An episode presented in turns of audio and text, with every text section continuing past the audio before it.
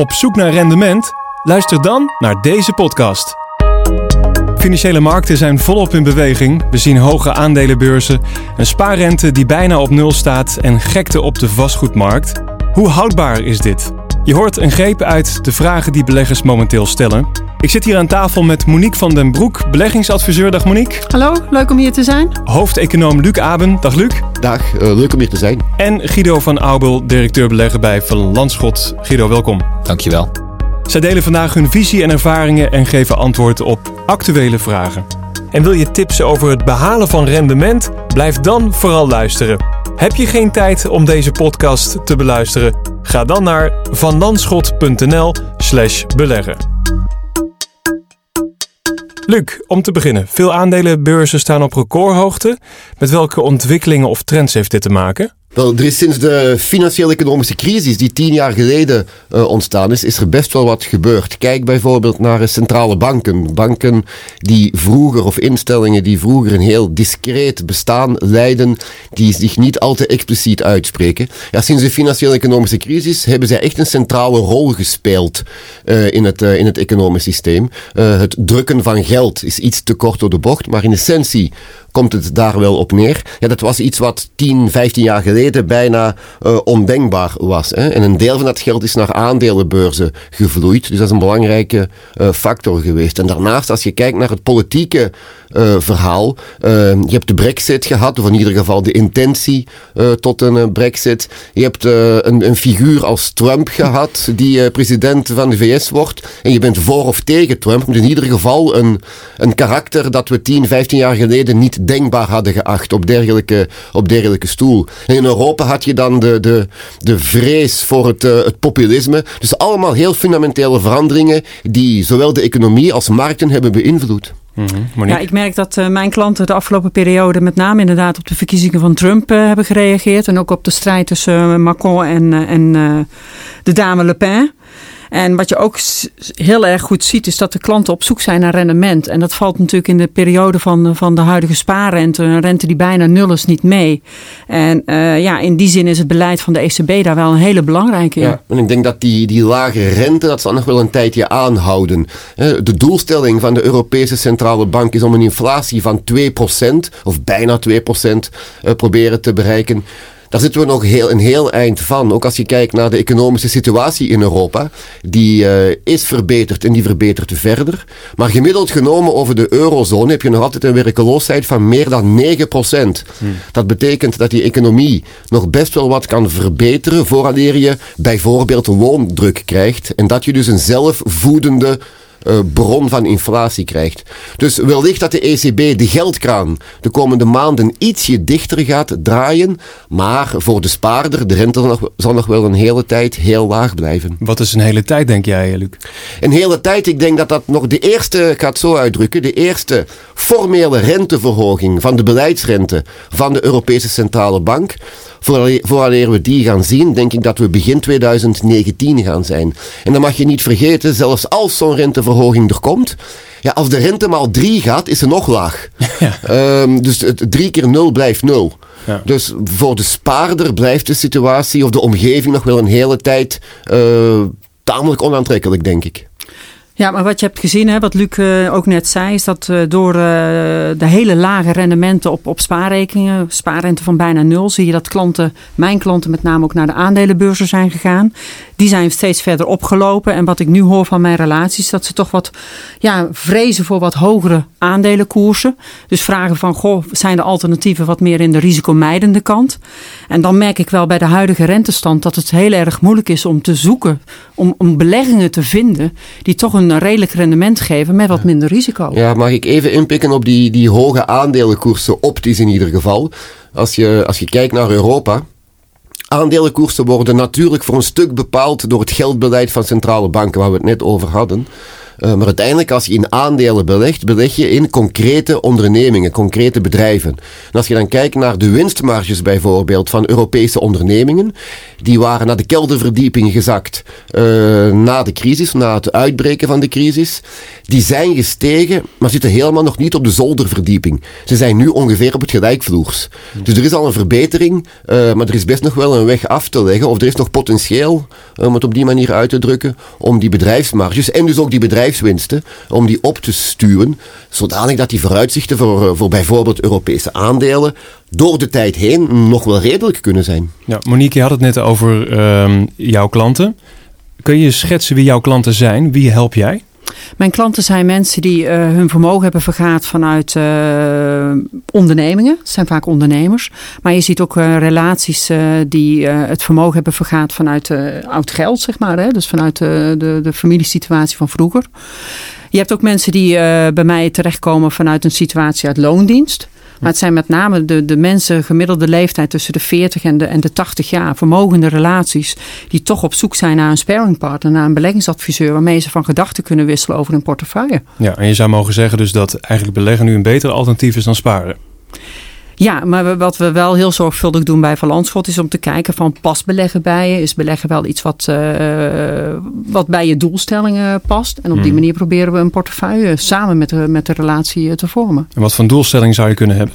Een doelstelling kan zijn een aanvulling op inkomen. Hè. Met dat iemand zegt ik heb wel een uh, pensioeninkomen op, op leeftijd 65, maar ik heb graag een aanvulling. Het is niet voldoende. Soms kan het zijn een bepaalde uh, schenking aan kinderen, hulp bij woningen van kinderen, uh, luxe, luxe reizen, ja, noem het hmm. maar op. De doelstellingen zijn zeer uiteenlopend. Ja, vooral voor ondernemers lijkt me dat ook echt super belangrijk, aangezien er geen centrale pensioenregeling is voor een ondernemer. Ja. En, ja, en het uitdagende is ook als je klanten uh, ondernemers zijn. Want ondernemers zijn natuurlijk vanuit het verleden altijd gewend om zelf aan de knoppen te zitten. Hmm. Het zijn vaak mensen die zelf de beslissingen altijd hebben genomen. En bij beleggingsadvies is het ook vaak dat je de portefeuille met, uh, met een relatie samen gaat doen. En je merkt dat de ondernemer dat heel belangrijk vindt. Dat hij zelf aan die knoppen blijft. En met mij kan sparren van, goh, wat, wat, wat gaan we in onze portefeuille doen? Wat is, wat is goed voor mijn portefeuille? Ja, Guido, wat, wat, wat zouden mensen kunnen doen nu? Nou, we hebben net uh, Luc en uh, Monique gehoord over uh, de meer traditionele beleggingscategorieën zijn de aandelen en obligaties. Um, maar er is in deze moderne wereld veel meer te krijgen dan alleen maar aandelen en obligaties. En als je het heel breed neemt, dan uh, zie je dat uh, mensen zelfs uh, op zoek gaan naar crowdfunding. Ze beleggen in bitcoins. Ze, zitten, ze, kunnen, ze worden lekker gemaakt met vakantiewoningen aan te kopen om die te verhuren. Ja, zo zijn er legio, veel meer nog dan vroeger, manieren om je kapitaal of je vermogen te laten groeien, maar ook te verliezen. Hm. En uh, om toch de, onze klandizie en onze relaties ter wille te zijn, gaan wij wel op zoek naar andere rendementsbronnen dan alleen maar aandelen en obligaties. Ten meer omdat obligaties op dit moment ja, uh, weinig opbrengen. En een van die zaken waar wij dan naar hebben gekeken zijn, wij noemen dat zogenoemde specialties. Dat zijn beleggingsstrategieën, vaak in fondsvorm, die zoeken naar uh, daar waar er nog wel rendement te behalen valt. Uh, dat doen wij niet alleen, dat doen ook grote pensioenfondsen en wij liften daarop mee. En een voorbeeld daarvan zou kunnen zijn bijvoorbeeld directe leningen aan bedrijven. Dus uh, uh, bedrijven kunnen lenen bij de bank. maar bedrijven lenen ook steeds en meer, in meerdere mate van andere grote investeerders die dat geld ter beschikking stellen. Mm. En dat kun je ook in een fondsvorm ophalen. En welke bedragen denk je dan? Uh, de, de, leningen die, die bedrijven nodig hebben, dat zijn vaak leningen voor een overname van een, uh, een, een conculega. Uh, en dan moet je denken aan enkele miljoenen. En om dat geld op te halen, kunnen ze bij verschillende partijen aankloppen. een aantal van die bedrijven en hun leningen worden dan samengepoeld, zoals dat zo mooi heet. Hè. Die worden samengebracht en daar wordt dan een fonds voor opgericht. En daar kunnen onze relaties in meedoen. En dat is dus een andere manier. Wij noemen dat dan direct lending, hè, maar dan via een fondsvorm. Private debt heet het dan met een luxe woord. En dat hebben wij ter beschikking gesteld voor onze klandizie. En daar wordt over geadviseerd. Het is niet zomaar dat dat voor iedereen geschikt is. Je moet wel ongeveer begrijpen waar je dan in zit en wat dat voor rendementen kan opleveren. Maar dat is één voorbeeld. Een ander goed voorbeeld is, en dat vindt ook de laatste periode een grote, of maakte de laatste periode een grote groei door is gestructureerde producten. Wij zijn nog de enige aanbieder als Van Landschot Kempen in Nederland die zelf gestructureerde producten eh, kan maken. Dus ook maatwerk, dus specifiek voor één klant. En daarin zit vaak een soort van een garantiestructuur. Dus dat betekent dat je mee kan liften als de economie groeit of als een bepaalde beurs groeit. Maar een deel van dat rendement geef je op om daarmee een zekerheid te hebben dat je niet meer dan een bepaald maximum zou verliezen. Nou, deze gestructureerde producten kunnen een mooi alternatief zijn voor de lage spaarrente en om te sparen. Waarbij je dus wel de mogelijkheid hebt om mee te profiteren als de beurzen stijgen, maar waarbij je meer beschermd bent op het moment dat de beurzen hard zouden dalen. Kan iedereen daarop instappen? Ja, wat ik merk is dat mijn relaties op zoek zijn naar deze uh, unieke producten die Guido uh, zojuist heeft genoemd. Want wat ik eerder zei, hè, klanten worden wat, uh, krijgen wat meer hoogtevrees bij dit soort standen van de beurzen. Ja. Zoeken naar wat bescherming. Die gestructureerde producten kunnen daarin een uitkomst bieden. En wat je ook merkt is dat die producten, omdat ze uniek zijn, zorgt ook weer aan de andere kant voor aanwas van nieuwe klanten. Want onze klanten die bijvoorbeeld al beleggen in deze producten, die zijn een soort ambassadeur voor ons, voor, voor Landschot. En ja, we maken vanuit het verleden weinig reclame voor onze beleggingsdienstverlening. Maar ja, onze klanten zijn daarvoor zo goede ambassadeurs. Maar dit, dit is weer een nieuwe vorm van, uh, van reclame maken voor, uh, voor Verlandschot. Ja, het gaat, heel veel over de, de persoonlijke benadering die, die, uh, die heel relevant is, die echt key is in het mooi Nederlands uitgedrukt. nu, de vorm waarin die persoonlijke benadering naar onze klanten gaat. Kijk, markten bewegen heel snel.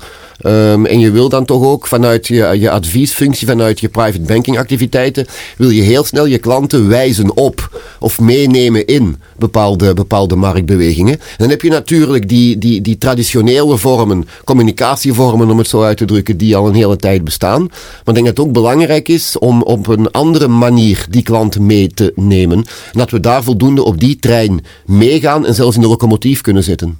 Is het zo, eh, Guido, dat uh, bepaalde uh, banken stoppen met het geven van beleggingsadvies? Nou, de trend is in Nederland wel dat beleggingsadvies voor minder mensen bereikbaar wordt. veel banken leggen de vermogensgrenzen, dus de minimale instapdrempel om advies te krijgen van een persoon, van een specialist, van een beleggingsadviseur, steeds hoger, tot wel 2 miljoen euro als minimum. En uh, daarmee is het voor de happy few. Nou, wij geloven daar zeer zeker niet in. Wij denken dat beleggingsadvies uh, altijd zal blijven bestaan. Uh, het verschil tussen beleggingsadvies en het helemaal zelf doen is het feit dat je kunt sparren, dat je informatie kunt krijgen en dat je gezamenlijk tot een beslissing zou kunnen komen, maar jij bepaalt. En het verschil met vermogensbeheer, waarbij je het helemaal laat doen, het uit handen geeft mm. als, als uh, consument, als belegger. Um, ja, daar voelt niet iedereen zich goed bij. Want die denken, ja, ik wil er toch een bepaalde mate van controle op houden. Voor die mensen is beleggingsadvies een uitstekende uh, dienstverleningsvorm. En uh, wij geloven er dan dus ook in dat we daarop moeten investeren. Tuurlijk zijn er meer regels de laatste uh, tijd. Hè, en is ieder advies wel goed? dat moet je natuurlijk ook uh, goed controleren en beheersen. En wij uh, doen dat ook middels moderne hulpmiddelen. Zo hebben wij bijvoorbeeld een hele goede beleggingsadvies-app die ervoor zorg draagt dat klanten goed geïnformeerd een gesprek aan kunnen gaan met zijn of haar beleggingsadviseur. Dus door het gebruik van moderne middelen kunnen we eigenlijk het product ook nog eens een keer verbeteren. En daarin zien wij ook een enorme groei zelf binnen ons bedrijf. Want bijna alle relaties, nieuwe relaties die bij ons komen de afgelopen periode, kiezen dus ook voor beleggingsadvies. En dat is niet voor niets. Dat beleggingsadvies is denk ik ook een uh, vorm van bescherming. Dus dat beleggers geen fouten maken. Zeker. Je merkt hè, met name in situaties, hè, Luc begon daar helemaal in het begin mee van goh, uh, de, de kredietcrisis, tien jaar geleden nu uh, inmiddels. Dan merk je toch dat mensen vaak in paniek en in emotie gaan handelen. Ja, en dan merk je op dat moment, als je een goede relatie hebt met je, met je klant, dat je op dat moment de klant wat op gemak kunt stellen, wat meer, meer kunt gaan kijken naar de lange termijn. En zo samen de portefeuille toch gaat uh, begeleiden.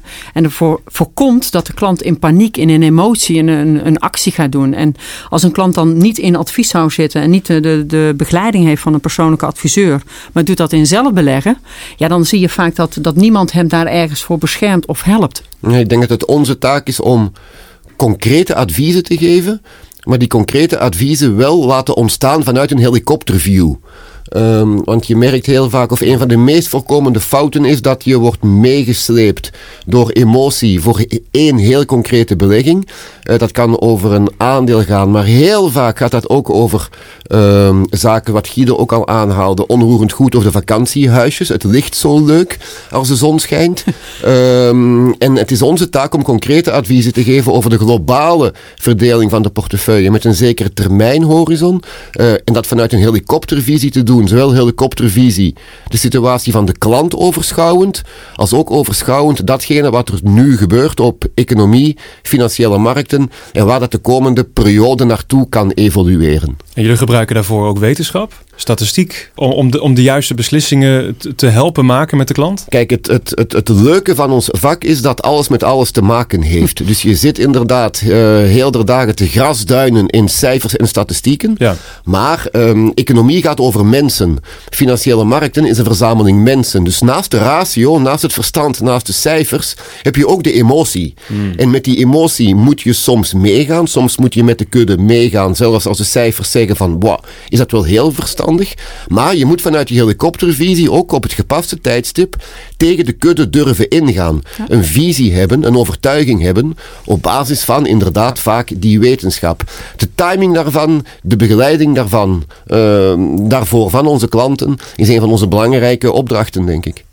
Ja, en daarom is onze rol als persoonlijke adviseur ook zo belangrijk. Want hè, wat, Luc geeft ons de kennis van uh, de wetenschap, zoals jij het noemt. De wetenschap van de economie. De economie is natuurlijk een hele grote club van mensen. En wij gaan dat weer vervolgens communiceren met onze klanten. En op die manier maken we de portefeuille, hebben we een relatie met, uh, met de klanten. En op die manier begeleiden we hem of haar ook. En uh, dat, dat, die persoonlijke benadering, dat merk ik in de afgelopen jaren dat ik, dat ik dit vak uitoefen. Ja, dat is toch wel een van de belangrijkste speerpunten van, van Planschot. En daarmee moeten we natuurlijk wel voor zorgen dat we de hele, digitalisering niet uit het oog verliezen. Want dat is een punt wat natuurlijk wel steeds belangrijker wordt.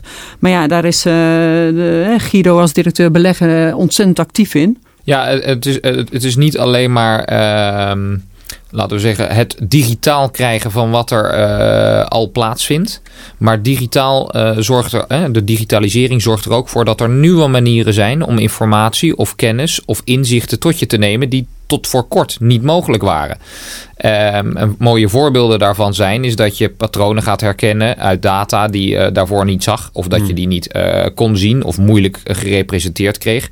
Um, dat je snel informatie-elementen kunt combineren en in één overzicht in jouw telefoon kunt zien, waardoor je niet meer naar drie verschillende aparte schermen hoeft te kijken. Ja, dat geeft eigenlijk de, dat zorgt ervoor dat de informatie die jij als klant, als relatie uh, tot je kunt nemen, gemakkelijker in hapklare brokken tot jou komt. En vervolgens kun je met een druk op de knop, een simpele druk op de knop, met je adviseur bellen hm. of mailen uh, of chatten.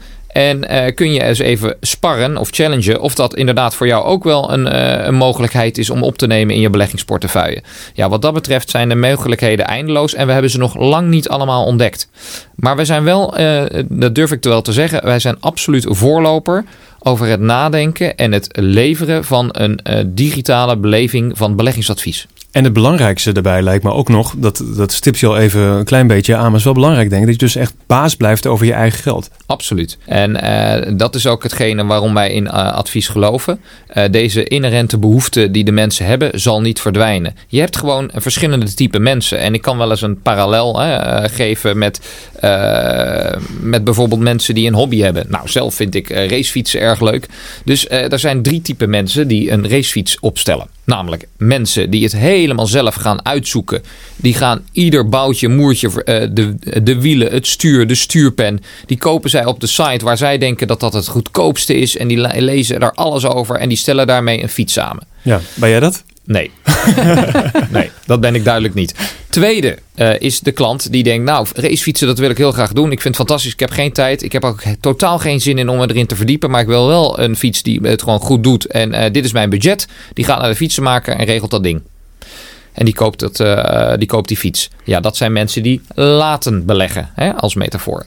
En dan hebben we daartussen natuurlijk nog mensen die wel uh, een tijdschrift lezen, die wel online op zoek gaan naar uh, wat is mooi, wat zijn de trends, wat zijn de nieuwe schakelgroepen die nu, nu geleverd worden. Maar vervolgens oriënteren ze zich op, nou, welke zaken ga ik in ieder geval eens even langs. En dan met behulp van de verkoper, de fietsenmaker, stellen zij een fiets samen en die wordt uiteindelijk geleverd. Ja, dat zijn meer de beleggingsadviesklanten. Hè? Dus enerzijds heb je wel de interesse in informatie en wil je dat tot je nemen, maar je bepaalt zelf. Monique, als we deze mooie metaforen horen, um, um, stel je voor iemand heeft hier een interesse, die, wil, die heeft wat magazines gelezen, die wil graag een fiets in elkaar zetten, om het zo maar te zeggen.